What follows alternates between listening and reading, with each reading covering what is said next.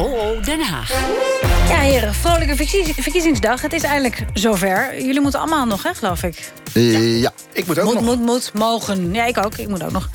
Ja, de afgelopen ik ben net tijd... afgeleid door uh, Pieter Derks, die een mooi betoog hield. Ja, ja. ja. De afgelopen tijd vlogen de filmpjes, vlogs, debatten, relletjes... en landelijke kopstukken ons om de oren. Nou is de vraag, uh, heeft het geholpen? En vooral wie heeft het geholpen?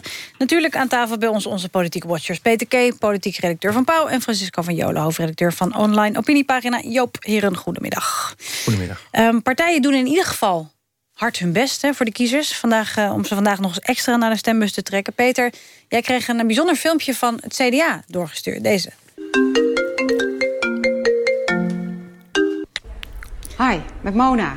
Goed dat je even opneemt. Vandaag zijn de gemeenteraadverkiezingen. En er zijn maar liefst 8000 CDA's waar je op kunt stemmen. Dus er woont er ook zeker één bij jou in de buurt. Dus niet vergeten, stemmen vandaag. En als je het dan niet voor jezelf doet, doe het dan voor mij. Dank je. Ja, wat leuk. Ik kreeg een, een telefoontje van Mona. Ja, die verscheen mijn WhatsApp. En, uh, het is een oproep Mona voor, voor een FaceTime-gesprek. En dan zie je opeens zo verschijnen... Uh, Mona Keizer belt je. Mm -hmm. En daarna die oproep. Dus ik vond het wel mooi gevonden van het CDA. Ze zijn in ieder geval innovatief bezig met hun campagne. Dat kun je niet van alle partijen zeggen. Ik vond wel de SP ook opvallen met die, met die billboards... die, die, die uitgrote billboards op gebouwen van uh, Lilian Marijnis. Dat zag er ook heel flashy uit. Maar het CDA uh, doet het nu ook, doet nu ook mee. Maar gaat het werken? Verwachten we een hoge opkomst? Nou, weet je, ik, ik, had een, ik had vorige week een debatavond in Stichtse Vecht. Het zat de zaal heel vol. Maar dat snap ik wel. Het was natuurlijk een enorme leuke attractie met opgekomen. Peter Keek, ja. Ik kan me nog herinneren. Hij had als een mooie pak zin, aangetrokken. Ik kan me echt nog heel ja, herinneren. Zeker. Gijs ja. Rademaker was er ook. Ik denk ja. dat de mensen daarvoor kwamen. Van één vandaag. Ik las het verslag in de Volkskrant en de Telegraaf en ik was zwaar onder. Ja, maar het was mooi, hè? Het was een mooie avond. Maar wel volle zaal. Um, dus ja, het lokaal leek het wel te leven. Maar ik, ik heb het in de campagne landelijk zo ontzettend gemist. Ik, bedoel, ik heb eigenlijk geen campagne gezien. En ik dacht, oh, nu staan ze te dringen om allemaal bij Pauw te zitten aan tafel... in die studio te zitten en hun verhaal te houden. Ministers staan te, op de deur te kloppen van... ik wil nu komen. Nou, ik heb er eentje gezien, Hugo de Jonge... met een, uh, met een plan tegen de eenzaamheid. Nou, dat was best wel een beetje Want een campagne normaal, normaal bieden ze zich echt aan, bedoel je? Ja, bij landelijke verkiezingen moet je ze bij de buiten houden, weet je wel. Dan moet je voor de deur gaan staan en zeggen van... nou, jij komt er wel en jij komt er niet in. En nu was dat helemaal niet het geval. Waarom en, niet? Nou, ik, ik heb bijna niks van een campagne gemerkt. Ik bedoel, de, en dat heeft wel te maken met dat ze ook heel goed weten... dat uh, nou, ten eerste de Olympische Spelen er waren, weet je nog? Je zat in uh, Pyeongchang, geloof ik. Nou, uh, dat was tot twee, drie weken geleden... was dat uh, het item op de Nederlandse tv. Nou, dan heb en je de nog, radio. haal je nog twee, drie weken over. Radio ook. Ja, Radio Olympia, ja. Nou, dan haal je nog twee, drie weken over. En dan denk je, dan gaan ze los. Maar dat was ook niet het geval. Ze weten steeds beter dat zwevende kiezers hun stem bepalen... in de laatste twee dagen. En dan goed, gaan wat... ze vol op het orgel. En ja. daarvoor is het maar een beetje uh, gedoe. Maar wat, wat wil het zeggen? Of wil het iets zeggen over de opkomst? Wat verwacht jij van de opkomst, Francisco? Nou ja, ik, ik, ik, Rotterdam heeft uh, traditioneel een lage opkomst. Vorig vier jaar geleden was het 45 procent. En ik ben eerlijk gezegd een beetje bevreesd dat het nog minder gaat worden. En als ik zo met mensen om me heen praat... die er natuurlijk ook geen verstand van hebben...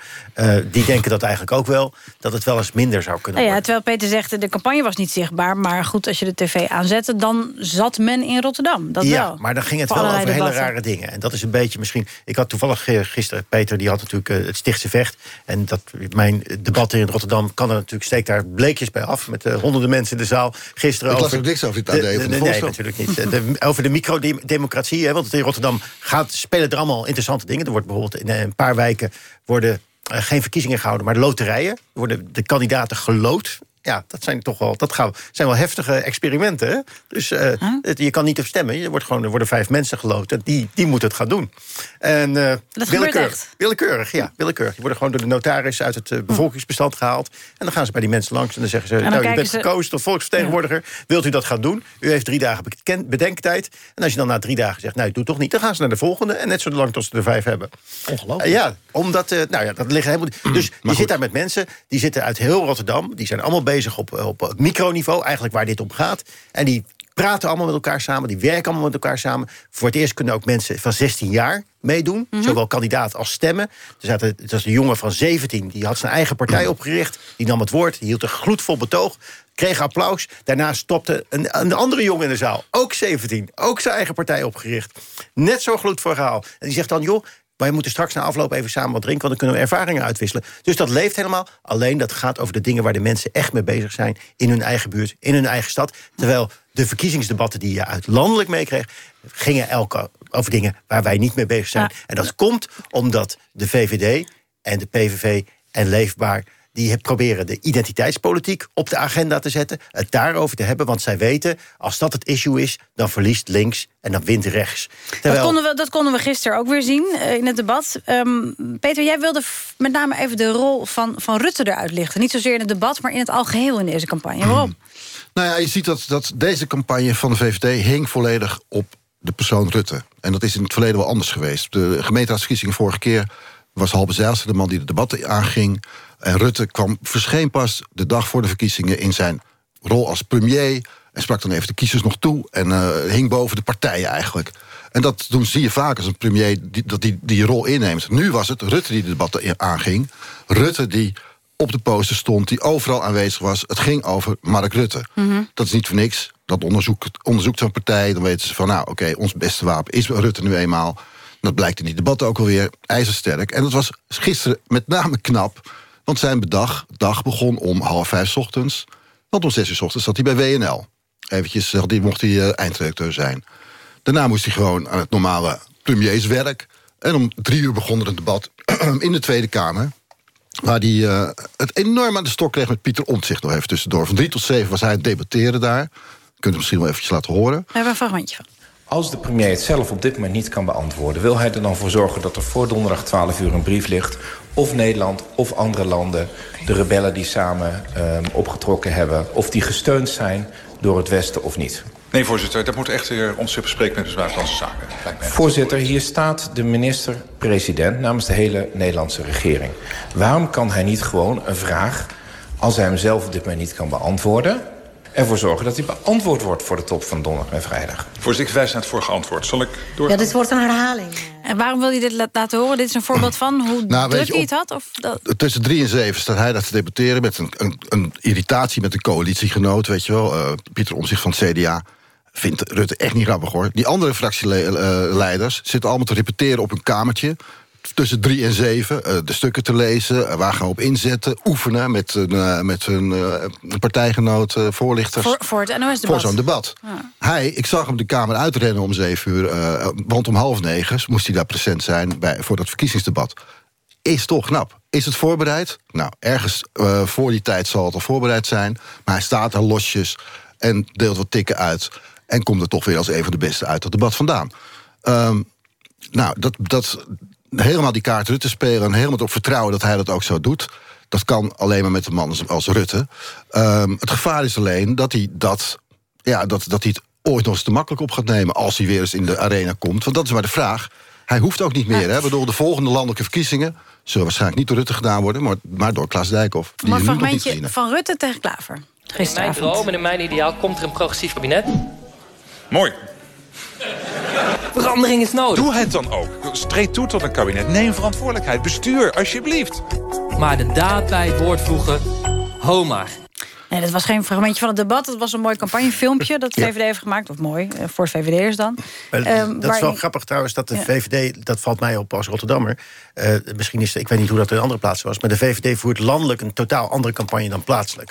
De VVD in Rotterdam is heel positief. Ze hebben zo'n to-do-list. Dat zijn allemaal positieve punten. Die zitten niet te zeuren over Zwarte Piet. Die zitten niet te zeuren over identiteitspolitiek. Mm die en die pakken dat op een hele andere manier aan... dan dat de VVD landelijk inzet. Maar dat komt ook omdat Rotterdam en Amsterdam veel linkser zijn. De VVD uh, eh, is daar veel linkser dan, in, uh, dan landelijk, zeg maar. Nou ja, en omdat Rutte elke keer een gevecht creëert wat niet bestaat. Dus die gaat elke keer... Hè, die zegt eerst van links wil allemaal dat en dat en dat. En dat, dat zijn helemaal niet dingen die links wil. En dan gaat hij dan zo gezegd tegen de keer. En dan komt hij op als de redder des vaderlands... die het even allemaal goed gaat doen. En even, Francisco, ik ben benieuwd hoe jij dit ziet. Want hier in dit spotje wat we net hoorden... Hè, zet hij Jesse Klaver neer als zijn opponent. Is Jesse Klaver wat jou betreft, Francisco, de winnaar tot nu toe op links? Heeft hij het goed gedaan, deze ja, campagne? Ja, doet hij het tot nu toe het beste. Is hij het helderste, is hij het duidelijkste. En vooral trapt hij niet in deze val. Dus GroenLinks is eigenlijk... Eh, Rutte en de rechtse partijen wil het steeds hebben over identiteitspolitiek. En hij is de enige die daar eh, niet intrapt, die daar weg bij blijft. En die daar, er was veel kritiek op dat hij zich bemoeide met dat, eh, dat, die tweet van Nida. Hè, dat, die mm tweet. En ik denk dat hij dat toch heel slim heeft gedaan door dat gelijk hup, uit de discussie Hij pakt andere thema's. Ja, hij pakt andere thema's. Maar dat is heel bewust, daar heeft GroenLinks ook over nagedacht. Want uh, er is een uh, Amerikaanse wetenschapper, Mark Lilla... die heeft ook beschreven dat links daar niets te zoeken heeft op, uh, op dat onderwerp. omdat ook linkse kiezers vaak meer voelen voor de wat rechtse standpunten. Dus ze blijven er heel bewust van weg, ook op basis van wetenschappelijk onderzoek. Ja, maar we hadden augustus dat debat, en jij zegt uh, dat Rutte zo'n drukke dag had. Dat kon ik ook wel zien in het uh, debat Rutte versus, uh, versus Asscher, zeg. Nou ja, daar kwam even die, die losheid tes, duidelijk. Want, daar werd het debat niet beter van, hoor. Nee, maar dan zie je dat, dat hij zich, misschien zich wel eens wat overschreeuwt. Want toen zette die Asscher weg van... ah, maar in het kabinet luister je altijd nog zo goed naar me, jongen. Uh, is misschien een tikje te arrogant, weet ja. je wel. En dan denk je, oké, okay, maar come on, je, je, slaat een beetje door. Dat waren, de, de, wat mij betreft, toch ook wel dieptepunten in het debat van gisteren. Maar een hoogtepuntje was voor mij Lilian Marijnissen... die daar toch uh, redelijk uh, ontspannen stond. Ja, maar Lilian Marijnissen is ook wel een van de grote talenten... het grote talent dat je nu hebt gezien. Ik bedoel, het zijn voor haar nog de eerste debatten. Ze staat daar vrij vol zelfvertrouwen, met een lachje... serveert ze zo'n Buma af. Had ze ook al eerder gedaan met Pauw in de uitzending... Um, groot talent. Daarom is het helemaal niet gezegd dat Jesse Klaver... de uitdager op links wordt voor de komende landelijke verkiezingen. Uh, ik zou Lira Marijnse heel goed aan in de gaten houden. Want als zij, als zij haar partij er ook in slaagt om één, eenduidig geluid te laten horen... ze willen nu de richting met de PVV gaan concurreren... maar daar is lang niet de hele partij van overtuigd dat ze die kant op moeten. Mm -hmm. Daar moeten ze één front in gaan vormen. Ja. Dus duidelijke koers bepalen. Maar dan hebben ze wel een kandidaat die ook links kan verleiden om op haar te stemmen. Even nog twee andere heren waarvan uh, door sommige mensen wordt gezegd... nou, die hebben een glans een beetje verloren, Pechtold en Wilders. Hoe krijg jij dat tegenaan, Francisco? Nou, de PVV, uh, dat is wel interessant in Rotterdam. Uh, ja, ik vind eigenlijk dat Wilders, ik zal het maar zachtjes uitdrukken... de boel verprutst heeft. Daar lijkt het in ieder geval op. En als er in Rotterdam lijkt...